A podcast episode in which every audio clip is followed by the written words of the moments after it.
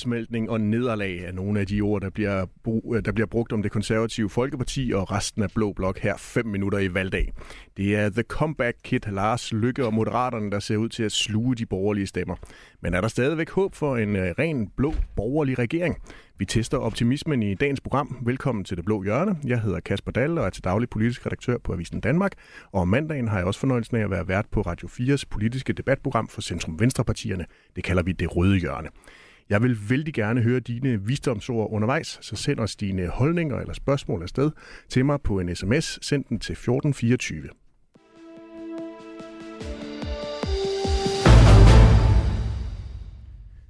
Som altid har jeg et veloplagt panel til dagens program. Pernille Værmund, velkommen til. Tak for det. Du er formand for øh, Nye Borgerlige. Ja. Britt Bager, forsknings- og retsordfører for det konservative. Også velkommen til dig. Tak. Og vores sidste gæst i dag er Janne Jørgensen, venstremand og kultur-, medie- og offentlighedsordfører i partiet. Velkommen til dig. Tusind tak. Nu kaldte jeg jer et øh, veloplagt øh, panel. Det er jeg også sikker på, øh, I er, men det har jo allerede nu været en øh, lang valgkamp, det synes jeg i hvert fald.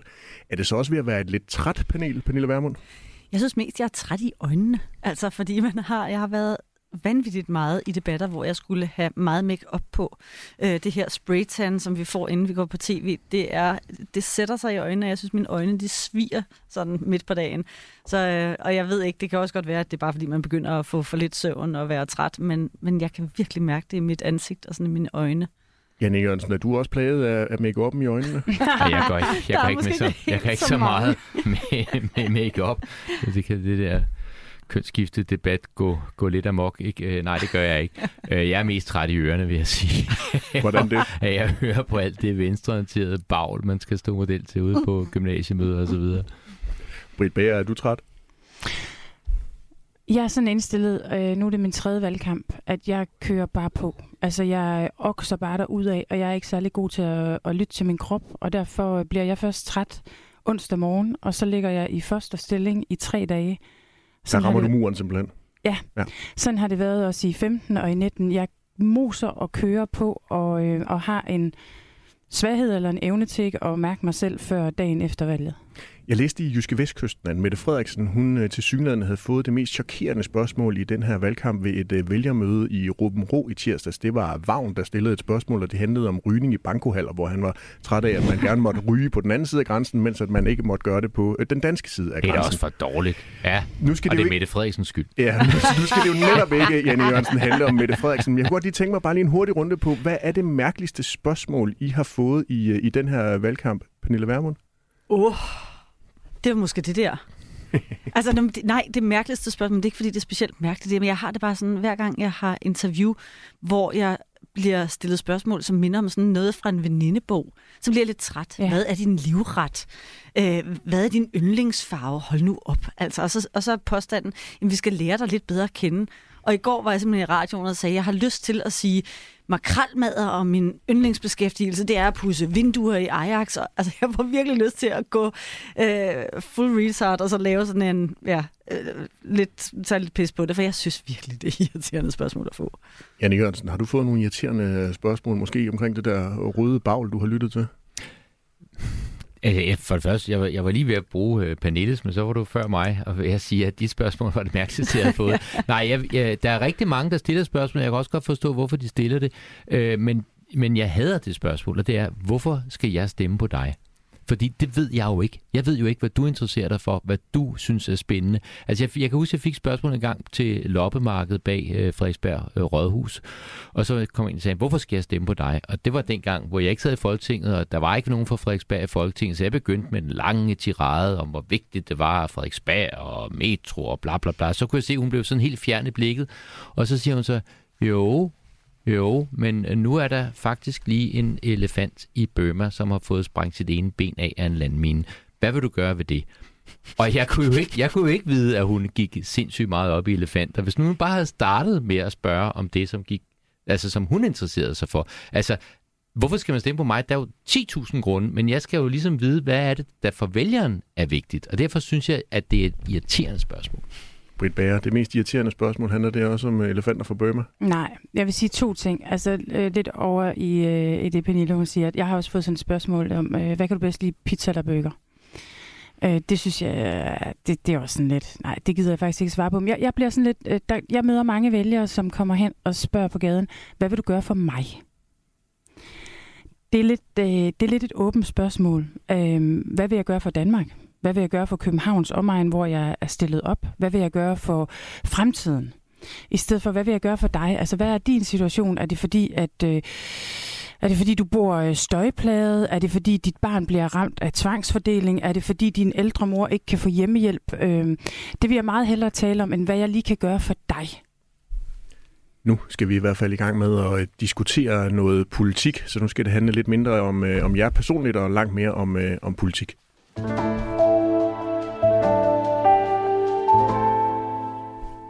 På en solrig sommerdag i august meldte de konservatives partiformand Søren Pape Poulsen sig så officielt som statsministerkandidat. Den borgerlige fløj stod stærkt, og med to statsministerkandidater var de sorte skyer svære at få øje på. Vi skal give alle et frit valg, for det er kernen i et moderne velfærdssamfund. Vi skal give mere plads til omsorgen end dokumentationen. Vi skal gøre det lettere at drive virksomhed og passe på dansk økonomi.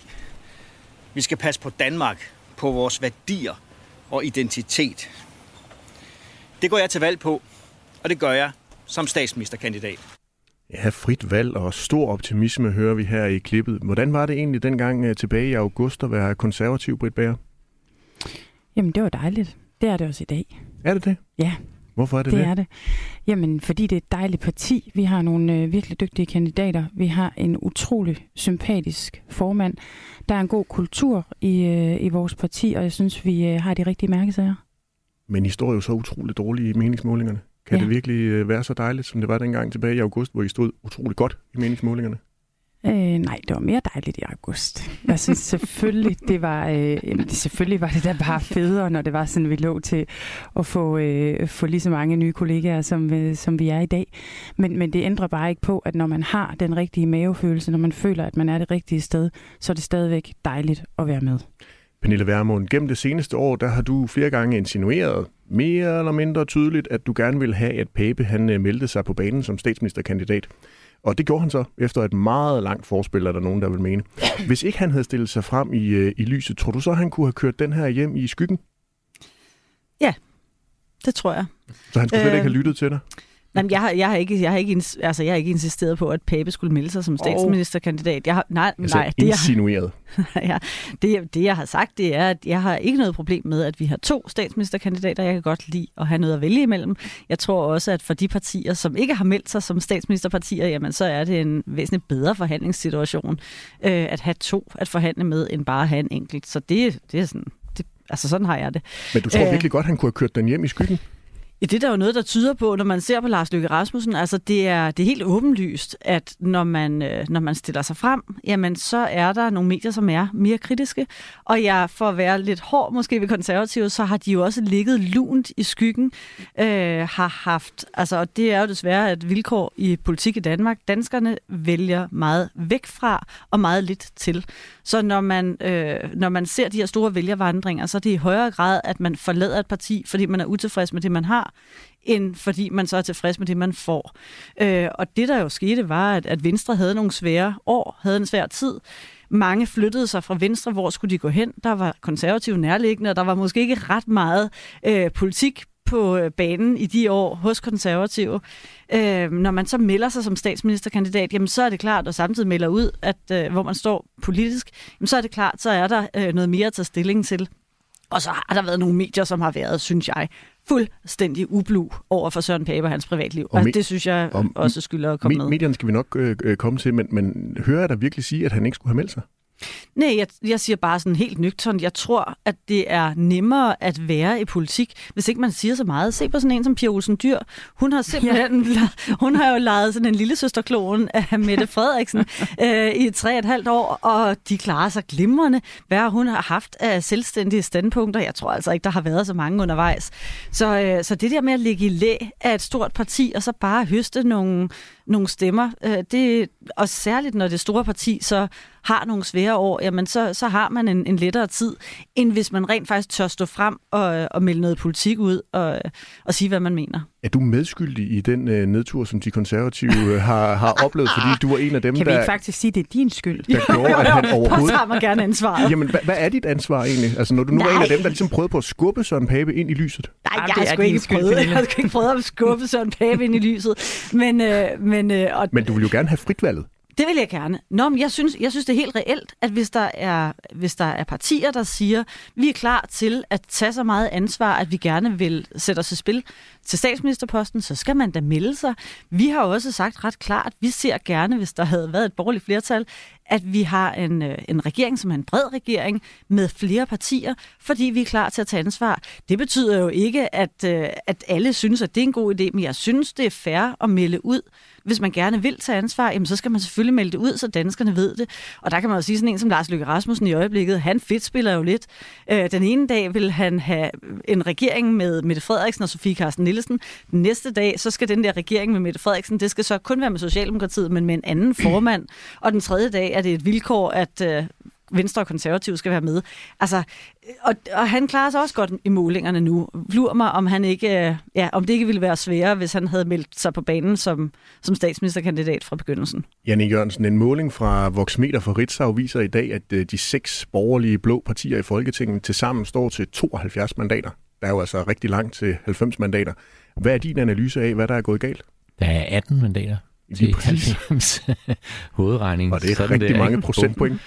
Øhm, altså lad mig komme med to litterære øh, referencer. Jeg er jo kulturordfører. Øh, H.C. Andersens øh, Kone med æggene. Og øh, så Søren Kierkegaards øh, Livet leves forlæns og forstås baglæns. Altså jeg har selv stået i dilemmaet til kommunalvalg på Frederiksberg. Altså skulle jeg som Venstres spidskandidat også sige, at jeg var borgmesterkandidat? Vil det give flere stemmer, noget mere opmærksomhed osv.? Mm. Vil folk sige, at det er en rigtig dårlig idé, vi har om konservativ osv.? Ikke? Det er bare et rigtig, rigtig svært valg. Så jeg vil ikke, Altså på den måde vil jeg, ikke, vil jeg ikke pege fingre, men jo nøjes med at konstatere, at der er bare forskel på, hvordan man bliver prøvet som parti mm. og som øh, politiker, når man melder sig som statsministerkandidat, end når man ikke gør. Og af min formand, øh, Jakob, har været igennem en ufattelig turbulent tid i Venstre, hvor nogen er gået fra os, endda til de konservative Britt Bager, øh, og øh, har lavet nye partier, og hvad ved jeg, at vi i den situation stadig står på benene, at Jakob står på benene, og at vi stadigvæk og, og ligger til at blive Danmarks næststørste parti, er jeg jo glad for, og synes jeg egentlig er forholdsvis imponerende. Om vi så får det blå flertal, altså om vi når op på de 90 med, med de rene blå partier, Lars Lykke går rundt og siger, at han ikke er blå, efter han har været det hele sit liv. Øh, det kan selvfølgelig, øh, det, er jo, det, er jo, altså, det tør jeg jo ikke love, vel? Men hvis ikke det lykkes, så tror jeg stadigvæk, at øh, vi får øh, stor magt og indflydelse. Så må det jo så blive sammen med moderaterne, hvis det er sådan, det skal være. Britt Bager, som vi har været inde på, så har der jo været en del sager om din formand, Søren Pape Poulsen, men altså Mette Frederiksen, hun slæber jo rundt på Mink-sagen. Alex Vandopslag, formanden for Liberal Alliance, han har haft en boligsag her midt under valgkampen, og det ser ikke ud til, at det påvirker dem negativt, nærmest tværtimod. Hvorfor tror du, at, at I i det konservative Folkeparti er så hårdt ramt? Rækken af sager. Søren Pape har været på forsiden af Ekstrabladet 15 gange siden 2. september.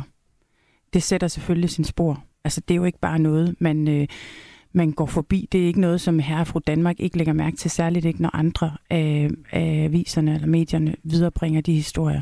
Jeg synes, der har været kørt en skrækkelig kampagne fra Ekstrabladets side, det må jeg bare sige. Øh, og endda så massiv, så deres øh, chefredaktør jo selv går ud og kalder det en, øh, en kampagne. Øh, jeg synes virkelig, at det har været en hets, det der har været mod Søren Pape. Er der noget af det, der har været selvforskyldt? Ja, det er der. Helt klart. Men der er ikke nogen tvivl om, at, øh, at Pape har været udsat for en øh, kampagne fra Ekstrabladet. Pernille Vermund, hvis du Mm. var Søren Pape Poulsen, ville du så trække dig som statsministerkandidat? Nej, det vil jeg ikke. Øhm, jeg tror, hvis man først har besluttet sig for at stille sig til rådighed, så må man stå det igennem. Men jeg kan godt forstå, hvis det er barskt at være Søren Pape i øjeblikket. Og jeg øh, kan da også godt mærke, at når jeg møder folk på gaden, som siger, øh, vi har altid stemt konservativt, men der er lidt for mange riser i lakken, så nu får du vores stemme. Så er jeg jo selvfølgelig på den ene side glad for, at der er en, der vil stemme på Nye Borgerlige, og på den anden side kan jeg også godt mærke sådan en... Øh, hvor ville det også være rart, hvis det var det politiske indhold, der var det vigtigste. Men det betyder enormt meget, mm. at man kan have tillid. Og jeg synes faktisk, Jan, Jan Jørgensen siger det øh, meget klogt om, om Jakob også. Altså, øh, det er, det er enormt svært at få hvad skal man sige, at få politik ud, og det er meget nemt at få en hets, som handler om personen og karakteren. Og, øhm, og, og jeg har jo set det både i de år, hvor, hvor det gik ud over Jakob, og nu også, hvor det går ud over Søren. Og jeg kan faktisk godt forstå, hvis der er nogen, der tænker, det der politik, det er sgu ikke noget for mig. Ja. Øh, jeg, jeg, det er jo ikke, fordi jeg ikke også får kritik, men, men det er jo 10 gange værre, når man melder sig som statsministerkandidat. Og jeg synes på det politiske er det helt fair, at man får masser af tæsk og bliver mødt med modargumenter. Men på alt det personlige, der slider det, og det ved jeg også, at det har gjort på Jakob i de år, øh, og, og, og at man jo går rundt med sådan nogle tanker om, er det det værd, og hvad er det, jeg udsætter min familie for, ja. og min nærmeste for? Så for Blå Blok, der er det stadigvæk i din optik en fordel, at der er to statsministerkandidater? Ja, jeg tror, det ville være meget mærkeligt, hvis vi fem dage før valget havde en historie om, at nu trækker Søren Pape sig som statsministerkandidat. Spørgsmålet er så, er det realistisk? Altså, øh, jeg må bare sige, hvis, hvis vi står på den anden side af valget, det er jo ikke danskerne, øh, det er jo ikke danskerne der stemmer på en statsminister. Det er politikerne på Christiansborg, det er dem, der vælger, eller vælges til Folketinget.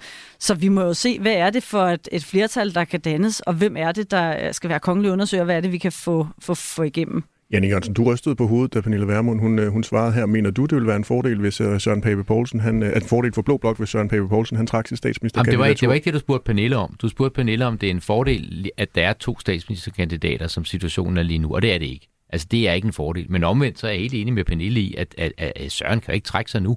Altså, ånden er ude af flasken. Øh, pastaen er ude af tandpastatuben, kan ikke, øh, tuben. Den kan ikke, du vil med Lars Løkke, den kan, jamen, den kan ikke proppes ned igen, det kan den ikke. Øh, og og øh, livet, som jeg også sagde før, livet leves forlæns, forstås baglæns. Altså, vi, vi, vi står, hvor vi står, og så må vi kæmpe og knokle de sidste dage af valgkamp for at få så mange som overhovedet muligt til at stemme øh, ægte blot. Og der må, ja. altså, og jeg kan da godt forstå, at man bliver fascineret af, af, af, af Lars Løkke. Jeg er selv fascineret af ham og har været i parti med ham og kendt ham siden jeg var ganske ung. Ikke? Men, men, men når man Jørgensen, så kigger på kandidaterne, så strider det jo Jørgensen, i alle mulige retninger. Skal det nok, skal vi jo have fortalt her de sidste vi skal nok timer kom, og dage. Vi skal nok komme til at tale meget mere om Moderaterne og, og Lars Løkke Rasmussen senere i det blå hjørne.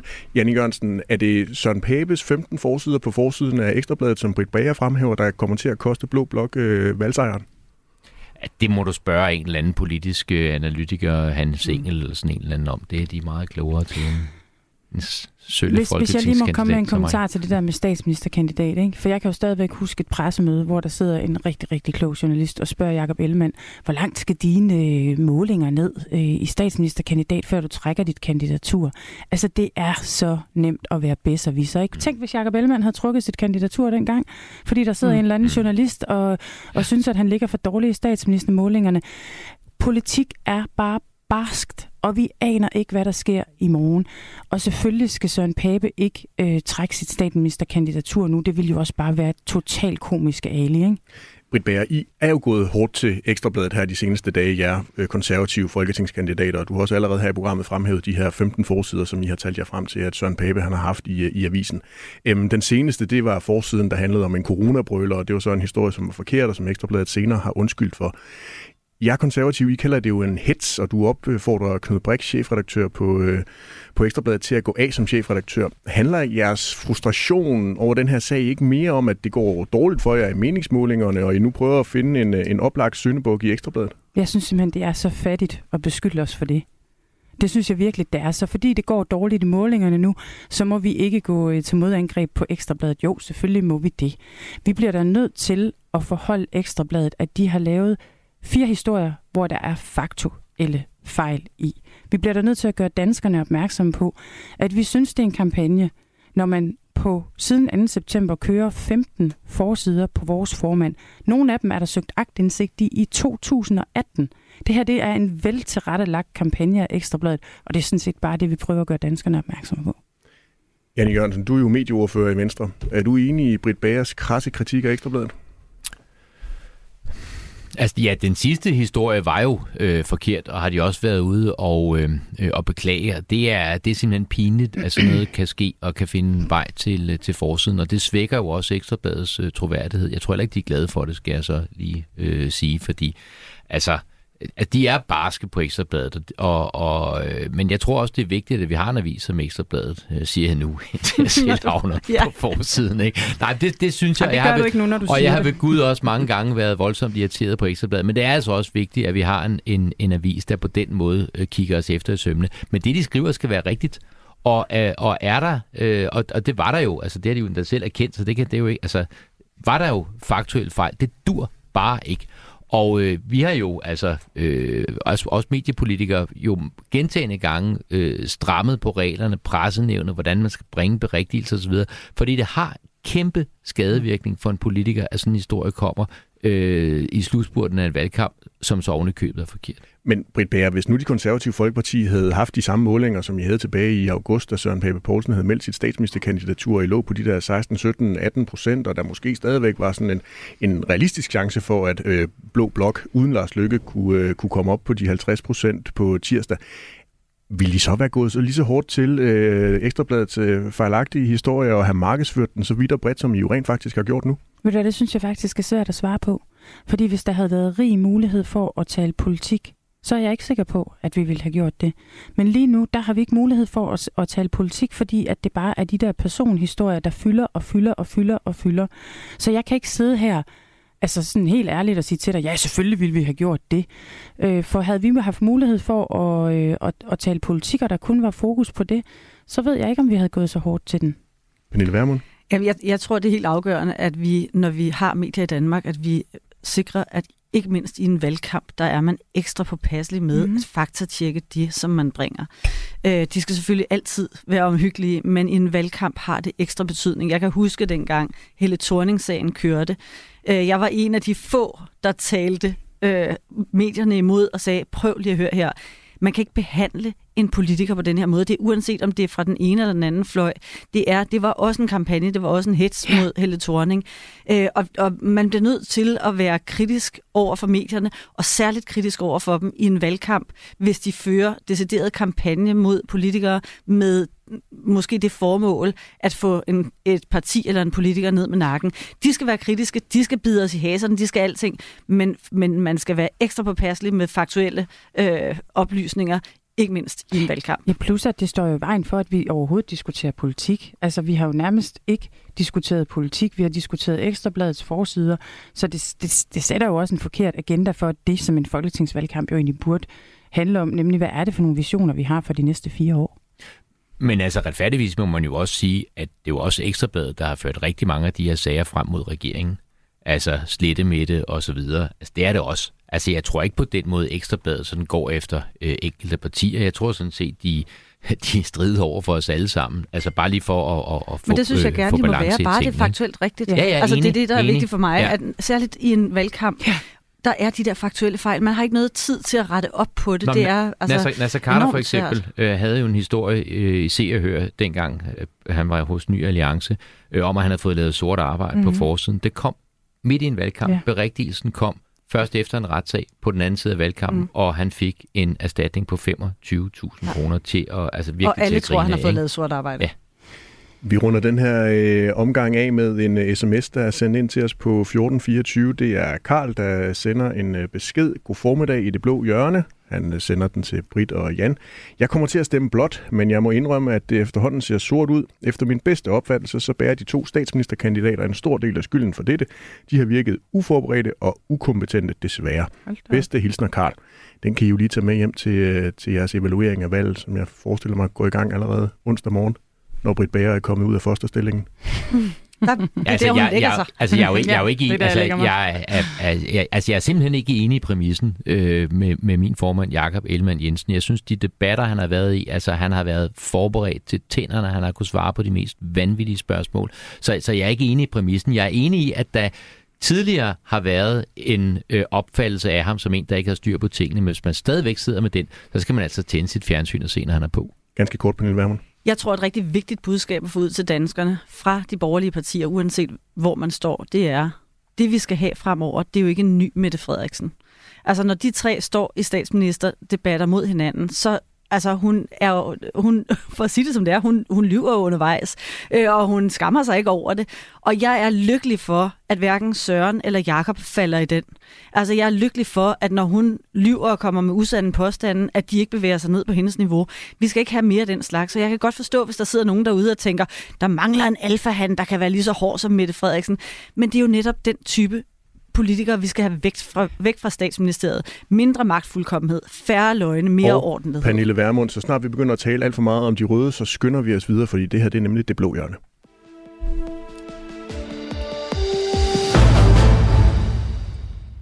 Det pipler frem med akut forslag om det ene og akut forslag om det andet i den her valgkamp. Det virker dog til, at der er ved at være en bred enighed om, at øh, sundhedssystemet har brug for akut hjælp. Venstre kom i den forgangne uge med et forslag om krisehjælp til et hårdt presset sundhedsvæsen, der ikke har nok varme hænder. Helt konkret så vil Venstre give et fastholdelsestillæg på op til 20.000 kroner til eksempelvis sygeplejersker, jordmøder, sosuer og anden sundhedspersonale. Britt Bager, i vil jo alle sammen gerne løse krisen i sundhedsvæsenet. Mm-hmm. Så er det, ikke meget godt, er det ikke et meget godt forslag, Venstre de kommer med her? Jeg synes altid, man skal passe på, når man øh, er i valgkamp med at give gaver ud. Konkrete gaver. Øh, det må jeg sige. Jeg synes, øh, man skal holde sig for god til at gå ind og blande sig i deciderede lønforhandlinger. Er det her en jagt på stemmer fra Venstre side? Jeg synes, det lugter. Pernille Vermund, er du enig i Britt Bagers analyse? Øh, jeg kritiserede jo statsministeren for at gøre det, fordi det var decideret lønforhøjelse. Altså hun sagde 3 milliarder til de her grupper. Nu er det Pias tur, nu er det Ernsts tur. Jeg synes ikke, at Venstres udspil er, øh, er helt sammenligneligt. Øh, og, og det kan være, at det er, fordi jeg ikke har læst det grundigt nok, men, men sådan men, som jeg forstår det, så handler det ikke kun om, at man vil give lønforhøjelser. Det handler om, at man skal belønne nogle af de mennesker, som går på fuld tid. Man vil altså lave nogle incitamenter for, at folk kan blive længere og arbejde mere. Jo, og men, det synes jeg sådan set er fair nok. Men det er jo et fastholdelsestillæg på op til 20.000 kroner til en ganske lang, lang række af forskellige faggrupper. Venstre har samlet set til den her krisepakke, som også indeholder andet end fastholdelsestillægget, afsat hele 6 milliarder kroner i både 23 og 24.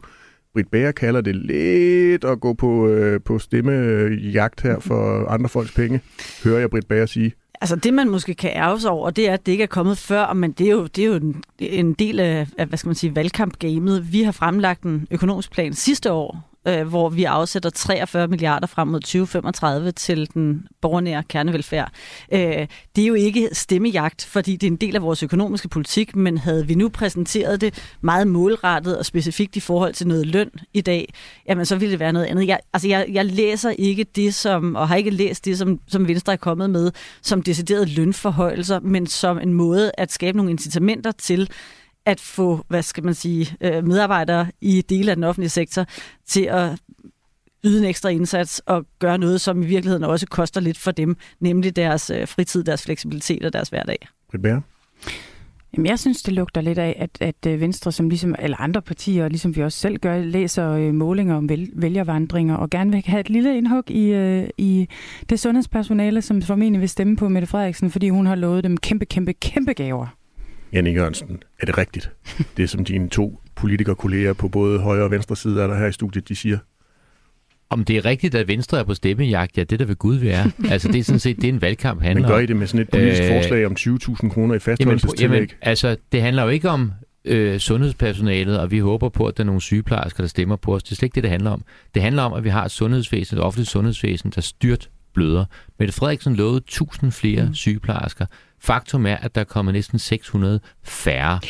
Og det er fordi, de flygter fra sundhedsvæsenet. Noget af det, tror jeg, er blevet sådan en selvforstærkende proces, en ond spiral, også drevet deres fagforening, der er gået ud og, og, og, og bildt dem ind, at det er så forfærdeligt at være sygeplejerske, og lønnen er enormt ringe osv. Det er den sådan set ikke. Øh, så derfor er vi kommet med et forslag om et fastholdelsestillæg, som man også bruger i det private, hvis du for eksempel har en virksomhed, der skal sælges, øh, flytte ud af landet eller et eller andet, så for at sikre, at alle folk ikke øh, flytter, så virksomheden ikke kan køre videre, så har man det fastholdelsestillæg. Øh, det med at gå ind og, og blande sig i løndannelsen i den danske model, som jo ikke fungerer optimalt i det offentlige, det må vi være ærlige at sige. Men at gå ind og blande sig i løndannelsen ved at sige, nu er der nogle grupper, der skal have mere i løn, det er dødsens farligt, fordi så kommer fængselsfunktionærerne også og siger, så skal vi også have mere i løn. Så kommer politibetjenten og siger, så skal vi også have mere i løn. Så vil lærerne have mere i løn osv. Og så kommer de private og siger, men hallo, hvad er det, der sker her? Ikke? Mm. Det er dødsens farligt. Men det fastholdelsestillæg, jeg kan ikke se, hvordan vi ellers skal stoppe den styrtblødning, der er lige nu, hvor øh, offentligt sundhedspersonale flygter fra hospitalerne. Men Janne Jørgensen, Pernille Vermund har jo, som hun har været, lige har sagt her i studiet, også været ude i andre medier og sige, at Socialdemokratiet forsøger at købe øh, stemmer med det forslag, som Mette Frederiksen hun lancerede tidligere på ugen. Det handlede også om, at der skulle afsættes nogle øh, midler til mere i løn. Er det ikke præcis det samme, I, I gør her? Der er jo masser af andre forslag til, hvordan man kunne forbedre arbejdsvilkår og lignende end lige løn. Nej, det er ikke præcis det samme. Øh, det er overhovedet ikke præcis det samme. Og, øh, og den anden del af det, som, som Pernille også nævner, det er øh, vores forslag om at belønne folk, der går fra deltid til fuldtid. Hvis vi kunne få... Øh, altså, der er jo rigtig, rigtig mange, der arbejder deltid i det offentlige, og det må man også gerne. Og det kan der være mange gode grunde til, at det er en god idé. Men der er også mange, der egentlig godt kunne tænke sig at komme på fuldtid, og dem vil vi jo gerne belønne med en øh, skatteledelse. Men Janne Jørgensen, hvordan kan Mette Frederiksens lønstigninger, så de har lagt frem, beregninger, der handler jamen, om, om 2.000 kroner om måneden? Det men et fastholdelsestillæg og en men, lønstigning er der ikke det samme. Men det handler vel om, at man skal have nogle flere penge for at gå på arbejde? Nej. Nej, det handler und, om, at man skal have nogle flere penge for at blive på sit arbejde og ikke skifte øh, og begynde at lave noget helt andet. Jeg synes, der er en kæmpe forskel. Og det handler dybest set ikke om, at man er ude og købe nogle stemmer? Ja, det handler om, at der er et akut problem i sundhedsvæsenet, og øh, det vigtige er jo ikke sygeplejerskerne, det vigtige det er jo patienterne. Altså, hvis ikke der er nogen sygeplejersker til at tage sig af patienterne, og ventelisterne vokser, så har vi da et kæmpe problem. Og hvis ikke vi som politikere skulle komme med bud på, hvordan vi løser de store problemer, der er, hvad pokker sidder vi så for? Britt Bager, køber du Janne Jørgensens argumenter, nu har du lyttet til dem?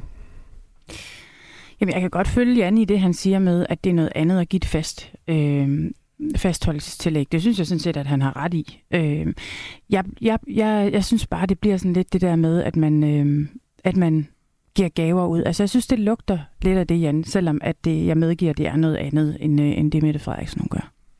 Pernille Vermund? Nå, men jeg har jo udtalt mig. Altså, Mette Frederiksen er kynisk, hun køber sig til stemmer. Øh, betyder det, at alt, hvad der kommer i en valgkamp, hvor man vil øh, se på, om man kan skabe nogle andre incitamenter for at fremme en adfærd øh, i befolkningen, at det er det samme? Nej, det er det altså ikke. Jeg tror, det er vigtigt at holde tungen lige i munden her, og så sige, der er forskel på, om man nærmest decideret går ind og lover nogle løngrupper, ja. at, øh, eller nogle, nogle offentligt ansatte, at de kan få udsigt til mere i løn, hvis de stemmer på et parti, og så at sige, hvis I ændrer adfærd, hvis I bliver i det offentlige, eller hvis I går op på fuld tid, jamen så vil vi egentlig gerne indrette vores lønsystem sådan, at det kan betale sig. Men det kræver jo en ændret adfærd af de mennesker, som for eksempel er i vores sundhedsvæsen. Jeg synes faktisk, det der vil være mest fair, det var, hvis vi sagde, prøv at høre, nu hejser vi det hvide flag når det er sådan valget det er over, så bliver vi nødt til at se, hvad skal der til, for at vi får et bedre sundhedsvæsen? Hvad skal der til, for at vi får en bedre ældrepleje? Hvor er det, øh, der er mangel på, på medarbejdere? For jeg kan jo også godt sidde, og sige som, eller sidde her som retsordfører og sige, jamen øh, helt ærligt, det bløder med fængselsbetjente. Mm. Skal de ikke også have et fastholdelsestillæg på 20.000? Det synes jeg da personligt, at de skal, hvis det er sådan, at sygeplejerskerne skal. Jamen, vi har for eksempel... Nå. Vi må høre flere gode forslag til, hvordan Venstre og Janne Jørgensen vil fastholde medarbejdere i den offentlige sektor lidt senere, fordi nu skal vi nemlig videre til øh, programmets faste elementer. Det ved jeg, I har glædet jer til. Det er nemlig det blå barometer, hvor vi øh, vejer stemningen i dagens panel. Kan Blå Blok vinde valget? Jeg øh, er personligt stor fan af Batman. Og nu har vi jo et par tidligere og nuværende medieordfører i, i studiet, så jeg vil høre dig, Jan og Britt, om I kender ham her. Og ja. nu uddeler jeg lige et, øh, et, er det Lars Lykke? et billede, som øh, viser Jack Nicholson fra filmen Batman. Den er fra 1989. 89. Præcis. Ej, ja, kender det, kender Tim Burton. Fuldstændig ja. rigtigt. Jack Nicholson han spiller Jokeren og er iklædt et øh, lilla jakkesæt, og så er han sminket helt hvid i ansigtet og har meget markant rød læbestift på. Vil du høre en sjov anekdote om det billede og den, ja. altså Kenneth Christensen Bært fra Dansk Folkeparti? Han var til Europarådsmøde en dag, hvor han havde præcis det samme tøj på. Og jeg kunne ikke dybe mig for at tage et billede af ham og, øh, og lægge det op, og måske også insinuere, at der var en vis lighed. Dog kun for så vidt angår påklædningen, skal jeg skynde mig at sige. Det kan så være, at Moderaternes formand, Lars Løkke Rasmussen, han skal ud og låne et nyt jakkesæt af Kenne Christensen Bært fra øh, tidligere Dansk Folkeparti. Øh, fordi vi kommer jo ikke udenom, at vi skal tale om Lars øh, Løkke og øh, Moderaterne. Øhm, Lykke, han vil jo som bekendt gerne have en øh, regering hen over midten, og han siger, at Socialdemokratiet også skal med. I den her uge, der er Jakob Engel Schmidt, som er politisk chef i Moderaterne, så sikker på, at Venstre og Konservative vil ændre mening om den her brede regering. Janne Jørgensen, Lykke siger, at han er sikker på, at I ændrer mening. Du kender ham jo. Jeg kender, jeg kender Lars rigtig godt, øh, og han, har skiftet mening mange gange. Men vil Venstre skifte mening? Altså, øh, når stemmerne er talt op, og vi ser, hvordan Folketinget ser ud, så går vi selvfølgelig efter at få maksimal indflydelse. Og jeg er ikke et sekund i tvivl om, at hvis Moderaterne bliver tunge på vægtskålen, så bliver det nogle fuldstændig vilde regeringsforhandlinger. Det kommer til at tage rigtig, rigtig lang tid. I den situation vil vi selvfølgelig gøre, hvad vi kan for, at alle de mennesker, der har stemt på os, får så meget liberal politik gennem i det nye folketing som overhovedet muligt. Britt Bager, i har jo allerede i det her program været ganske hårde ved Moderaterne og Lars Løkke. Nu kan han jo så vise sig at blive den her lilla joker, når stemmerne engang er talt op. Skulle I ikke have været så hårde ved Løkke undervejs? Jeg synes, at det er helt på sin plads at være hård ved en, der ikke melder ud, hvad det er, han vil. Altså som siger, øh, jeg vil ikke pege på Mette Frederiksen, men jeg kan ikke se en øh, regering uden øh, Socialdemokraterne i. Altså, hvad er det, man stemmer på? Så siger de, jamen, øh, vi, vi, øh, vi stemmer ikke på nogen, vi stem, eller vi, ja, vi vil ikke pege på nogen, vi vil pege på noget. Men hvad er det? Altså helt ærligt, det er da mega fluffy. Han står til at brage ind i Folketinget nu. Han står til at få 18-20 fuldstændig uprøvede, ukendte kandidater med. Jeg synes, det her det er blevet øh, enormt meget et statsministervalg i stedet for et parlamentsvalg, og det synes jeg virkelig, virkelig er ærgerligt for demokratiet, og jeg tror, det kommer til at jeg tror, det kommer til at koste, jeg tror, det kommer til at have en høj pris, at vi er begyndt at tale meget mere omkring, at det er statsministerne og partiformændene, end at det er de enkelte kandidater. Pernille Vermund, du vil jo heller ikke som formand for Nye Borgerlige pege på, om du synes, at Søren Pape Poulsen eller Jakob Ellemann skal være øh, statsminister, hvis der måtte komme et, et øh, borgerligt flertal. Du vil jo også gerne ind og have dem til at forhandle, altså komme til at pege på noget. Er du i virkeligheden ikke rejsende i nøjagtigt det samme motto som Lars Løkke Rasmussen, at du hellere vil pege på noget end nogen? Ej, jeg melder jo ret klart ud, at jeg peger på en borgerlig statsministerkandidat. Men jo ikke hvilken en. Nej, men der er jo også to, og det må vi jo se, når vi står på den anden side af valget. For det første har det jo selvfølgelig betydning, hvor mange mandater øh, er der i Blå Blok, hvordan fordeler de sig, og så har det selvfølgelig også betydning, hvad er det for en politik, den statsministerkandidat, som man peger på, vil fremlægge. Øh, men jeg er, altså jeg tilhører den borgerlige opposition. Jeg peger på en borgerlig statsministerkandidat, og jeg synes faktisk, øh, jeg synes faktisk, det er lidt ærgerligt, at det efterhånden er så velkendt, både for medier, kommentatorer og også politikere i øvrigt, at Lars Løkke Rasmussen, han skifter holdning, som vi andre skifter underbukser. øh, og jeg ved godt, Løkke og underbukser i sammensætning, det kan give lidt helt åndssvage associationer. Ej, nu bliver det men, rent ekstra men, med det her. fuldstændig. Men, men, men, men, men, men hver, altså, jeg bliver jo nærmest hver dag spurgt, om jeg vil pege på Lars Løkke Rasmussen, hvis han vil stille sig i spidsen for en borgerlig regering. Han har allerede før valget sidste gang meldt ud, at han ikke længere ser et borgerligt flertal som et, øh, et projekt. Han har øh, splittet Venstre med det synspunkt. Han har meldt sig ud af Venstre og stiftet Moderaterne med det synspunkt. Og alligevel så bliver man ved med at gå rundt og tænke, ja ja, men det siger han nu. Og efter valget, så siger han noget andet. Og vi ved det alle sammen. Og alligevel så er det ham, som rigtig mange danskere synes, at øh, han er da bare fjong. øh, jeg, jeg, altså, jeg synes, det er bekymrende, det må jeg bare sige. Og det vidner måske lidt om, hvor kort hukommelse der er hos danskerne op til et valg. Altså, det er meget let sådan at mærke nogle stemninger, og så flytter man sin stemme, i stedet for at tænke over, hvad er det egentlig, vi får? Hvis vi øh, stemmer på den mand, altså hvad, hvad, er det, hvad er det for en politik? Hvad er det for en retning? Vil vi have mere Mette Frederiksen, eller vil vi have mindre Mette Frederiksen? Og jeg siger tak, men ellers tak til mere Mette Frederiksen. Janne Jørgensen, i øh, politikken i tirsdags, der er din formand Jakob Ellemann Jensen citeret for at sige, det kan jo være, at moderaterne viser sig at være borgerlige. Det lyder som en åbning, en mulig plan B. Kommer Ja, ja, Jakob Ellemann til at jagte Lars Lykke for at se, om han Det- kan trække ham over i blå blok? Det, det ville da ikke overraske mig, hvis det viste sig, at Moderaterne var, var borgerlige, fordi øh, de to eneste, der har siddet i Folketinget før, Ja. det er jo Jakob Engelsmidt, Eng, ja, prøv, prøv igen. Jakob Engelsmidt og øh, Lars Løkke Rasmussen, og de har begge to været, øh, været medlem af, af Venstre i, øh, i mange år. Jakob har været formand for VU, Lars har været formand for VU. Jeg tror ikke på, at de pludselig er blevet sådan øh, halvrøde overnight. Altså, der er mange grundene, det, skal vi, det kunne være et program i sig selv til, at tingene ser ud, som de, som de gør lige nu. Men, men jeg er da helt sikker på, at de grundlæggende stadigvæk er, er borgerlige. Men derfor skal man ikke stemme på dem af den grund.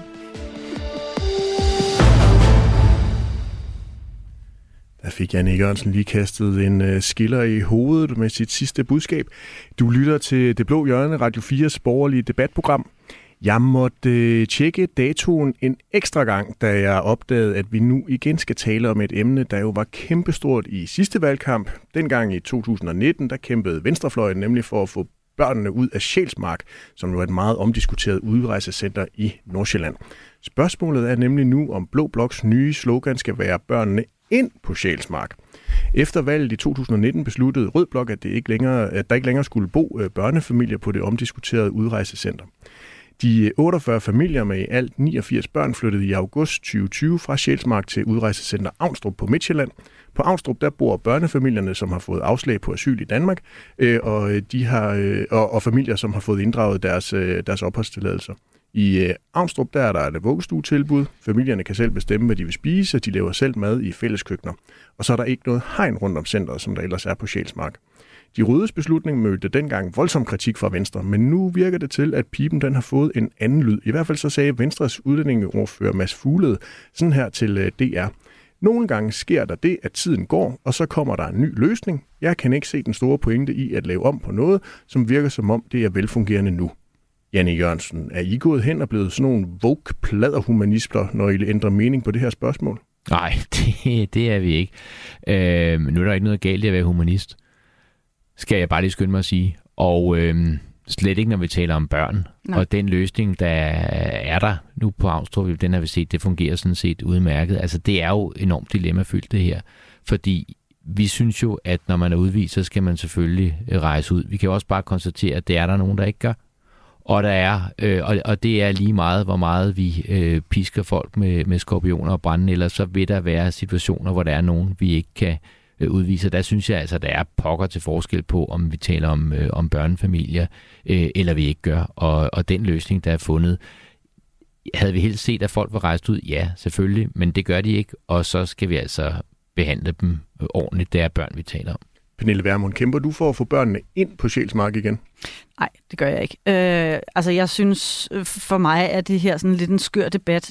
Jeg synes selvfølgelig, det er relevant at se på, er det sværere at få folk til at rejse hjem, hvis man har efter man har flyttet dem. Altså sætter det sig i de tal, som er vigtige, nemlig at når man er udvist eller afvist, så skal man selvfølgelig rejse hjem, og sætter det sig i tallene i forhold til, hvor mange der kommer hertil. Det er jo det, der er det vigtige. Mm. Der er jo ikke nogen, der har en interesse i, at, øh, at folk har det dårligt, og slet ikke, når det er, er børn, vi har at gøre med. Men, men målet om, at folk skal rejse hjem, det må være det, vi måler på. Og hvis det skulle vise sig, at det her, det betyder faktisk, at der er færre, der rejser ud, at flere insisterer på at blive her, så bliver vi nødt til at tage en samtale om, hvad gør vi så?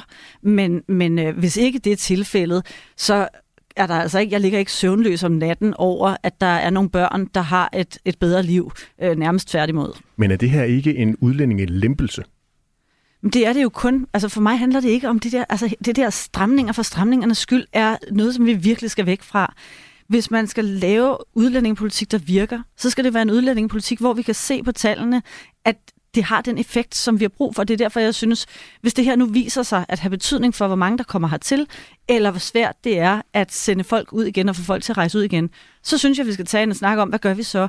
Men, men der er ikke en, altså, jeg kan ikke forstå, at man kan have en interesse i, at øh, lave stramninger bare for stramningernes skyld, og hele det her med, hvor mange stramninger har man nu lavet. Altså, det er jo noget af det, som vi er stiftet for at gøre op med, når vi taler om at løse udlændingepolitikken fra bunden, så er det jo et opgør med alle de her åndssvage lappeløsninger. Gode udlændinge skal have lettere ved at komme hertil, dårlige udlændinge skal vi have lettere ved at komme af med, men det handler jo ikke om stramninger for stramningernes skyld. Altså nu håber jeg virkelig ikke nogen øh, af de lyttere, som, som nærmest tror, jeg er sådan forklædt øh, radikal, øh, hører det her program, fordi jeg er 100% enig med Pernille. Altså, vi skal væk fra det her øh, symbolpolitik, hvor man laver et eller andet, som lyder enormt uh, men som i virkelighedens verden ikke rykker noget som helst. Altså, det der er det vigtige, det er, altså, medfører det flere eller færre, der rejser ud, som de skal. Og hvis det alligevel ikke gør nogen forskel, så er det jo bare fjollet. Altså fjollet symbolpolitik skal vi væk fra. Vi skal have en udlændingepolitik, der virker efter hensigten. Vi skal være mere åbne for udenlandsk arbejdskraft. Det har vi simpelthen, altså det har vi brug for. Øh, og så skal vi øh, jo altså være realistiske med, hvor mange flygtninge osv. vi har plads til i, i, i, i, altså i Danmark. Men, men symbolpolitikken, tror jeg, og det synes jeg også, det man kan mærke, når man er ude i debatter osv., altså den fylder altså ikke så meget mere. Folk er blevet meget mere løsningsorienteret. Janne Jørgensen, det blev det sidste ord for dig i den her udgave af Det Blå Hjørne, fordi vi har aftalt, at du skal have mulighed for at suse afsted her klokken 10 minutter i 12, øh, fordi du skal ud til en øh, valgdebat og høre på mere rød bagl og forsøge at se, om du kan, kan sikre øh, nogle flere borgerlige stemmer. Held og lykke med det, tak. og tak fordi du ville være med. Vi, vi har brug for dig. Britt Bager og Pernille Vermund, I skal lige prøve at lytte med her, fordi vi har ringet til Peter Skåb, gruppeformand for øh, Danmarksdemokraterne, og han har en, øh, en opfordring til jer. Jeg synes, det er underligt, at Venstre og andre partier her i valgkampen pludselig vil til at lempe udlændingepolitikken. Det er det samme, vi har hørt fra Lars Løkke og Moderaterne. I Danmarksdemokraterne, der holder vi fast i, at øh, de her familier skal ind på Sjælsmark. Altså, det er jo derfor, man har lavet den øh, aftale på et tidspunkt, at de skal bo der. De skal ikke ud i lempeligere forhold, og dermed øh, få et lempeligere signal fra myndighederne øh, ved at rykke til Avnstrup, som er et mere løst sted, kan man sige, i forhold til de forskellige regimer, der er. Så altså, vores opfordring det er at holde nu fast i den plan, der var, hvis vi begynder at sige til afviste flygtninge, der er kommet til Danmark, at øh, vi lemper nu forholdene, så sender vi jo det signal, at de skal blive i Danmark. Og det er jo lige præcis det signal, vi ikke kan sende, eller bør sende. For det er jo, der er jo ikke nogen mening i, at man bliver hængende i et land, øh, hvis man øh, under ingen omstændigheder kan få asyl. Man er ikke berettiget til asyl, så skal man vende tilbage, og så må man indrette sig på de øh, hvad skal man sige, hårdere forhold, som der er på Sjælsmark. Pernille Vermund, sender det her ikke, som Peter Skorp er inde på, et forkert signal til de afviste asylansøgere, som jo skal sendes tilbage til deres øh, hjemland, at de kan komme til at leve i, på Avnstrup i stedet for Sjælsmark. I sus Jamen, jeg, jeg, jeg synes jo, at Peter han siger det fuldstændig præcist, og det kommer ikke bag på mig, at Peter Skorup, som jo tidligere DF'er, og Inger Støjberg holder fast i det her. Det handler om signaler, det handler om symboler. Det er klart, at signaler og symboler kan jo også få betydning for, hvor mange rejser ud. Og hvis vi kan se faktuelt, at det bliver sværere for folk, at, eller sværere for Danmark at få udvist og afviste til at rejse ud, så skal vi gøre noget ved det. Men vi skal altså ikke lave symbolpolitik bare for symbolernes skyld. Øh, og det er, altså jeg, jeg, jeg håber virkelig, at den form for udlændingepolitik kommer til at høre fortiden til. Vi stiftede nye borgerlige præcis af den årsag. Vi kan ikke have et samfund, hvor gode udlændinge bliver holdt ude, og hvor selv voldtægtsforbrydere, som har udenlandsk statsborgerskab, får lov til at blive her. Vi er nødt til at få løst det her fra bunden, og det er helt afgørende for os. Britt Bager, er de konservative også med på, at de her børnefamilier og børnene kan få lov til at blive på Avnstrup i stedet for at skulle tilbage på Sjælsmark? Jamen for os er det sådan set ikke øh, afgørende, om det er Avnstrup eller Sjælsmark. Der er tre ting, der er afgørende for os. For det første, at kriminelle udviste udlændinge, de skal være helt for sig selv. Mm. Det var jo derfor, vi, øh, vi foreslog, at de skulle være på øh, Lindholm. De skal selvfølgelig ikke gå op og ned af børnefamilier. For det andet, det som øh, Pernille siger her også, der skal jo stadigvæk være et incitament til at rejse ud. Altså vi kan ikke have at udlændinge, afviste udlændinge, de indgår som en del af samfundet. Mm. For så kunne vi lige så godt opgive vores asylproces. Så der skal mm. stadigvæk være et incitament til at rejse ud, og det skal vi følge meget, meget nøje. Men helt ærligt, de har taget deres børn som gisler. Vi har da ikke nogen som helst interesse i at skade de her børn. Altså, vi skal da gøre alt, vi kan, hvad vi kan for, at de børn, de går i vuggestuer, de går i børnehave, at de på en eller anden måde får noget læring øh, ind. Så jeg synes faktisk, det er ret fornuftigt, at vi ikke tager børnene som gisler i det her. Men bliver incitamentet for at, at rejse ud af landet ikke mindre, når de nu kan bo på Avnstrup med de anderledes vilkår, der er der, end der er på Sjælsmark? Jamen, det er jo en risiko, og det er også derfor, jeg siger, at det bliver vi nødt til at følge meget, meget nøje, fordi hvis det viser sig, at incitamentet til at, at rejse hjem bliver mindre, så bliver vi jo nødt mm. til at, at, at se på, hvad vi så gør. Fordi meningen er ikke, at de skal blive her. De er afviste, de har ikke ret til at være her, de skal hjem. Pernille Vermund? Jamen, jeg er fuldstændig enig. Øh, og, og igen, vi må se på tallene. Øh, jeg synes, det er en... Jeg synes, det faktisk er en lidt sørgelig og lidt skør debat, at man insisterer på, at, øh, at det er vigtigere, hvor de her mennesker er, og hvordan de øh, bliver behandlet, end det er at se på, hvad er resultatet af den politik, vi fører. Fordi hvis ikke de her mennesker øh, agerer anderledes i dag, end de gjorde for to år siden, så, så, så går der simpelthen ikke noget af mig ved, at man behandler folk ordentligt. Og, øh, og det er jo det, som man gør her. Så Inger Støjberg Peter og resten af Danmarksdemokraterne, de er sørgelige? Jamen, jeg synes, det er, er sådan en form for udlændingepolitik, som jeg håber, at vi kan, kan få, øh, få bugt med. Altså, når vi taler om at løse udlændingepolitikken fra bunden, så er det jo netop at komme væk fra det her tåbelige symbolpolitik og lappeløsninger. Tag fat, stille krav til folk, der, der kommer hertil, men også selvfølgelig sørge for, at der er en konsekvens, hvis ikke de overholder vores krav. Og så må de der symboler, de må altså høre fortiden til. Britt Bager, tidligere der har øh, den her stramme flygtninge- og indvandrerpolitik jo været noget, i Blå Blok har brystet af, at de var enige omkring. Nu hører vi her, at i hvert fald Danmarksdemokraterne de er uenige på, på det her område. Er der begyndt at komme sprækker i den der flygtninge indvandrer uenighed? Kasper, Kasper, det er jo fordi, det ikke virker. Det er fair nok, at man prøver, men det her, det virker jo ikke. Hvis det nu havde virket, hvis nu vi havde løst udlændingepolitikken med alle de her stramninger og den her symbolpolitik, så fair nok, men det virker jo ikke. Så bliver man jo nødt til at gøre noget andet. Men vi har trods alt stadigvæk Danmarksdemokraterne, som mener, at vi skal have nogle børn og nogle børnefamilier tilbage på Sjælsmark. Jeg er ret sikker på, at Blå Blok kan blive enige om udlændingepolitikken. Hvis der er noget, jeg er helt sikker på, så er det, at vi kan blive enige om det. Og jeg er også ret sikker på, efter et valg, at hvis vi sætter os ned og, øh, og taler om, hvad er det, der er vigtigt her, så er det, at du bliver udvist, når du begår kriminalitet. Mm. Det vil vi gerne se på. Jeg, jeg er ikke så langt som Pernille, at vi vil øh, bryde konventionerne, men vi vil gerne udfordre, hvornår man kan udvise. Vi vil også meget gerne gøre det nemmere for danskere at komme hertil, øh, undskyld, udlændinge at komme her til Danmark, hvis de kan bidrage med at arbejde. Og det tror jeg, da, det er noget af det, der bliver sådan hele kernen om øh, vores regeringsgrundlag, hvis det er sådan, at vi får en mulighed for at lave sådan et. Øh, Pernille Vermund, vi har en lytter, der hedder Sebastian, som har sendt mm. en sms ind på 1424. Han er meget enig med dig. Han skriver, det er så sandt, det Pernille siger. Det handler ikke om stramninger, det handler om sund fornuft. Ja, og indvandrer- og flygtningelovgivningen skal nytænkes. Mm, præcis. Åh, oh, han er en klog mand. Når der er den slags enighed, så skynder vi os altid videre her i det blå hjørne.